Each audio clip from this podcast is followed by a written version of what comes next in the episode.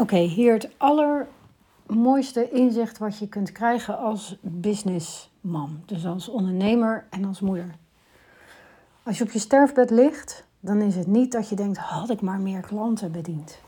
Dan is dat wat je het meeste wil voelen, is dat je respect hebt voor jezelf en trots op jezelf bent. Dat je de band hebt met je kinderen die je hebt door al het persoonlijke ontwikkelingwerk wat je hebt gedaan. Althans, dat is één van die dingen. Je gaat niet denken, oh, had ik nou maar meer afgevallen op mijn 37ste. Had ik maar beter, ehm, nou ja, beter voor jezelf zorgen zou nog wel kunnen, want dat scheelt heel veel fysieke klachten. Maar die band met je kinderen is zo ontzettend waardevol. Ehm, omdat je dat terugziet in het gedrag, in het voelen en in het handelen van je kinderen. De grootste thema's waar je, waar je wat in te doen hebt en die zorgen voor gronding, is bestaansrecht, veiligheid en eigenwaarde.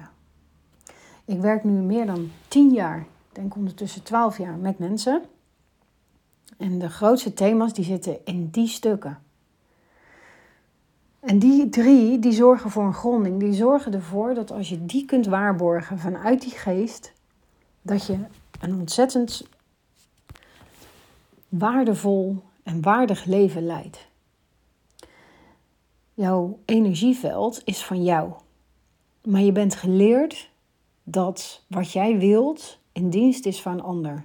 Daarom ben je ook zo goed in het aanvoelen van je klanten. Daarom ben je zo goed in het aanvoelen van wat je kinderen nodig hebben. En daarom voel je de hele tijd dat, die gewetenskwestie. Van doe ik het goed, doe ik het niet goed. En je schuldgevoel. En je schaamte. Dat zijn hele diepe stukken die ervoor zorgen dat jij uh, perfectionistisch bent geworden. En vanuit een faalangst steeds jezelf toch weer opraapt en doorgaat. Anders ben je geen ondernemer en anders sta je niet op. En dat moederstuk, dat zorgt ervoor dat je in een tempo ontwikkelt, waardoor je steeds naar die gronding teruggeworpen wordt. Als we gaan kijken wat het allerbelangrijkste is, is die identiteit. Dus identificatietrauma's, hè, noemen ze dat ook wel. Dus waar ben jij mee geïdentificeerd? Nou, het meeste wat ik tegenkom is slachtofferschap, onzekerheid en het gebrek aan veiligheid, dus onveiligheid. Vanuit die stukken zul je verbinden met je overlevingssysteem. En hoe mooi, hoe ontzettend mooi dat het overlevingsstuk er is. Moet je je voorstellen dat je dat overlevingssysteem niet had. Dus dat het geen 27.000 maniertjes heeft om te overleven. Stel je voor dat je als kind overgeleverd wordt aan de Duitsers in de Tweede Wereldoorlog. Lekkere metafoor, ik weet het, we maken even een sprongetje. Maar dan voel je meteen in je lichaam wat daar gebeurt. Dus je, gaat, dus, dus je wordt opgepakt in je nekvel en je wordt voor die Duitsers neergezet en je zegt: Zo, hier ben ik. En dat je dan niet kan vluchten, dat je dan niet bevriest of dat je niet kan vechten. Maar dat je gewoon overgeleverd bent aan de grillen van een ander. Nou, in eerste instantie lijkt dat ook zo als kind. Daarom voelt het zo messed up als jij voor jezelf wilt kiezen. Dus als je zegt, nu ga ik ervoor. Dit is wat ik wil. Dit is wat ik te doen heb. En dat je jezelf weer teruggetrokken voelt. En, dus een soort rozijntje. Dus dan ben je eerst lekker die sappige, mooie, volle druif. En vervolgens voel je jezelf helemaal verschrompelen als een rozijntje. Helemaal in elkaar gedoken, uitgedroogd. Nou, rozijntje nog best wel lekker. Maar het zit vol met suiker. En wat doet het overlevingssysteem? Dat leeft op en van suiker. Dus de hele tijd die stresshormonen, hè, dus adrenaline en cortisol, die, die gaan aan. Die gaan aan van stress en in elkaar schrompelen. Dus als we dan een muntje hebben en we hebben de kopkant, dat vergelijk ik met een persoontje. Een ego vind ik het kort doen. Hè, dus om, om het zo te noemen. Omdat een persoontje, ja, dat omvat ook je karakter. En dus een ego is gewoon, ja, dat klinkt Het klinkt onaardig en het voelt onaardig. Dus de associatie die we met ego hebben, die vind ik tekort doen aan wie jij volledig bent als persoon, als mens, als bezield wezen. Maar dat persoontje, dat zorgt ervoor dat jij hier nog steeds bent. Dat jij de manipulatie van, de, om, van je ouders, van je juffen, van je kindje, van je vriendjes en vriendinnetjes hebt overleefd. Wat ik bij mijn kinderen doe, continu, is bevestigen dat wat zij voelen klopt. En dat ze absoluut niet moeten twijfelen aan dat wat ze voelen. dus als ze dan een, een, situatie vertellen waarin zij, uh, ja, dat was dan niet zo, dan zei ik, meisje, ik ben zo trots op jou dat jij gewoon, dat het klopt wat je voelt en dat je daarnaar handelt. En ze is elf, waarop zij zegt, ja, dus dat is meteen een aanname. Het is een overtuiging die nu in haar hersenen gebakken zit. Dat zij volledig oké is in wie ze is en wat ze doet en wat ze voelt. Kijk, er zijn natuurlijk genoeg stukjes die ze op moet pakken, anders heb je hier niks te doen. En die heb ik ook getriggerd. Die triggert haar vader, uh, opa en oma, vrienden, school. Iedereen triggert dat. Dus ze heeft genoeg te doen hier op aarde. Maar wat ik wel kan meegeven is dat vertrouwen in dat wat ze voelt. want dat is wat, niet wat ik heb meegekregen en dat heb ik zelf moeten ontwikkelen. Dus als we die kopkant hebben van die munt, dat is het overlevingssysteem. Dan hebben we de andere kant, dat is de munt. En dat noem ik de ziel. En die identificatie is heel weinig gemaakt. Er zijn stukken in jou die heel makkelijk en van nature gaan, die zo ontwikkeld zijn. dus als ik kijk naar mijn zoon, die, daar zit vertrouwen in een bepaald basisvertrouwen. Daar hoeft hij niks voor te doen, dat is er gewoon. Er zijn ook een heleboel dingen die hij niet heeft, maar ja, daar heeft hij ook nog wat te doen. Net als ik. Die muntkant is de zielskant. Dus dat betekent dat, dat in die zielkant, energetisch, is de ziel een constante bron van energie die aanwezig is. die verandert niet. Als we gaan kijken naar het persoontje, waar die chakras allemaal in draaien, of niet draaien, dat is een, een constant veranderende bron van energie. Dus die twee werken ook als een soort magneetjes tegen elkaar. Vandaar dat je soms voelt aangetrokken tot mensen waarvan je denkt: hallo, maar ze doen me alleen maar pijn.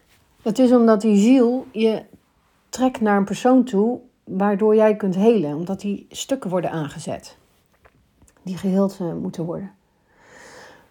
Maar aan de zijkant van die munt, daar zit ook een kant. Dus een munt heeft drie kanten. De kopkant, de muntkant en de zijkant.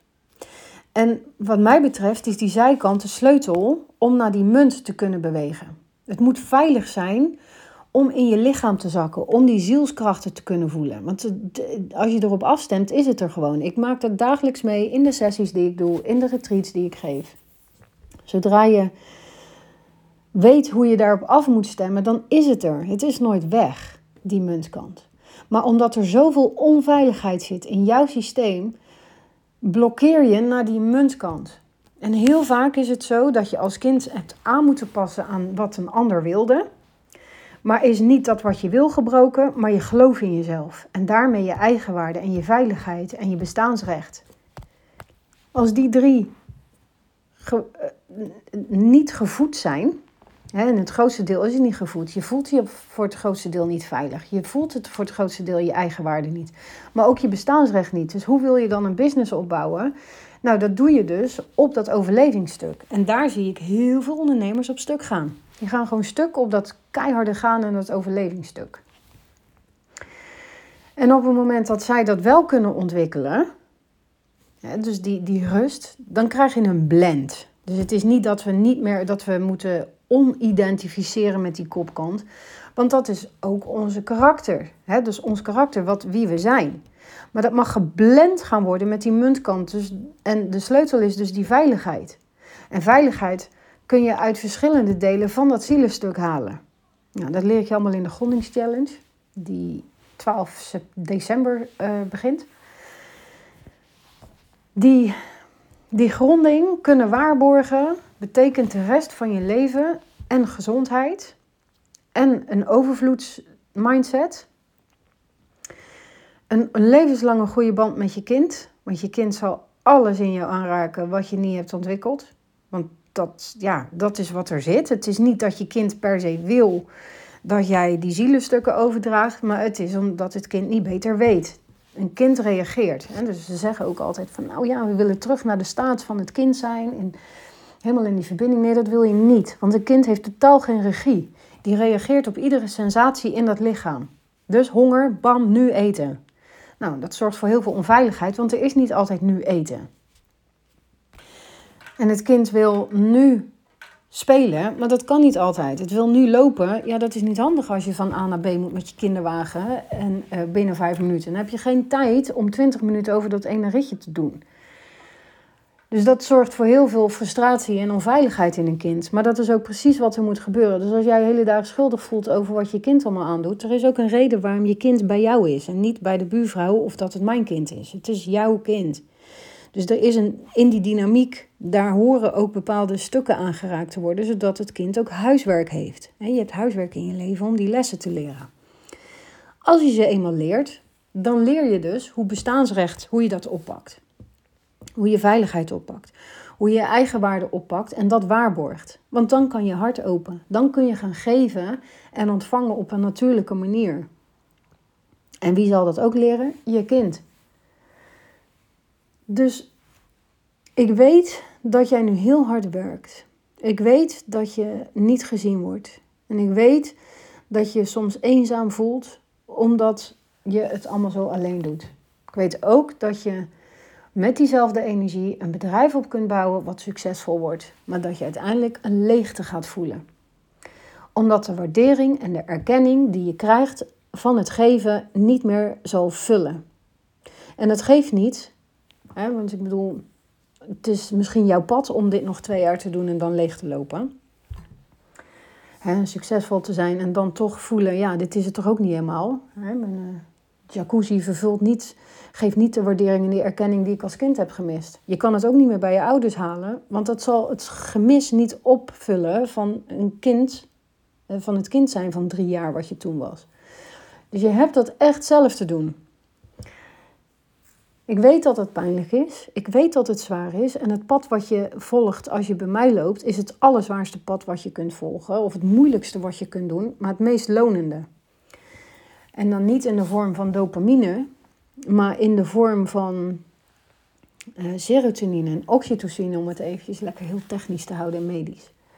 Dus er gaat heel veel liefde en kalmte vrijkomen uit dat gronden. Hè? Dus mijn methode van gronden. En waarom is mijn methode anders? Nou, we gaan niet met je blote voeten in het gras staan en daar douw trappen en dan aarden en gronden. Want dan ben je nog steeds niet in een staat van regie. Je bent jezelf aan het forceren om via de prikkels van de huid ehm, jezelf te forceren tot ja, gronding. En dan loop je naar binnen en dan, dan zijn die prikkels weg. Dus mijn methode van gronden is een combinatie van verschillende Oosterse en Westerse technieken. Die je uiteindelijk gaat toe-eigenen. Nou, daarom heb ik een leids, omdat het, omdat het vorm krijgt door een diepe ervaring. ik vertel nu dingen, maar uiteindelijk gaat het erom dat jij het gaat ervaren. Want als je het ervaart, wordt het van jou. Wordt het jouw ervaring. En ik doe niets liever dan jou die ervaring bieden. of het nou in een één op één dag is, of dat het in de retreat is, of in een één op één sessie eh, van een luid. Of in grounds in de online training ik doe niets liever dan het jou laten ervaren, omdat een businessman heeft zoveel goud te geven. Zoveel te geven. Ik weet dat het uit, uit, uit een wond komt, maar het is ook een kwaliteit van jou. Ook een talent. Anders was het jou niet gegeven. Dan was je een maanwandelaar. Hoe noem je zoiets? Iemand die in de NASA in een raket zit en... Ik weet even de naam niet. Maar een een, iemand die in een maan uh, bewandelt, dat. Maar dat is niet het verlangen wat jij had. Het verlangen wat je had is dat wat je nu wil en aan het doen bent. En ik weet ook dat je onzeker bent en dat je tien keer wil veranderen. Dat is allemaal oké. maar weet dat wanneer jij in die gronding kunt blijven en vanuit daar je bedrijf opbouwen, vanuit daar je kinderen opvoedt, dan zul je veel minder of helemaal geen onzekerheid voelen, maar juist empowerment kracht.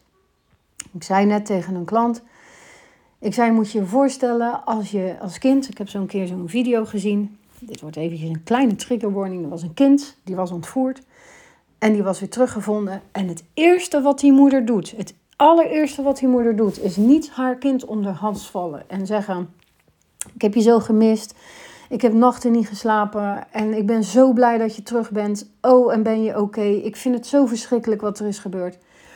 Nee, het eerste wat die moeder doet is haar kind vastpakken en die zegt tegen haar: Meid, wat je ook gaat doen in je leven, jij gaat niet je leven laten leiden door deze ervaring. Je gaat hier sterker uitkomen, je gaat hierdoor groeien en je gaat jezelf helemaal kracht geven. Moet je voorstellen, voel je wat dit doet? Voel je het verschil in je lijf wat dit doet? En dat is wat jij wilt gaan voelen, die empowerment. Dat is wat je door wil geven. Dat is wat je te doen hebt. Met je kinderen, aan je kinderen, aan je dochter, aan je zoon. Zodat we een hele generatie hebben, een hele generatie, die zo'n sterk draagvlak in zichzelf hebben, omdat ze een moeder achter hebben staan, zichzelf hebben staan, die hen kan dragen. Voel je welkom om een berichtje te sturen of om me eventjes te mailen met wat dit voor je doet, met het, ja, of het wat voor je doet. Dankjewel voor het luisteren en tot de volgende.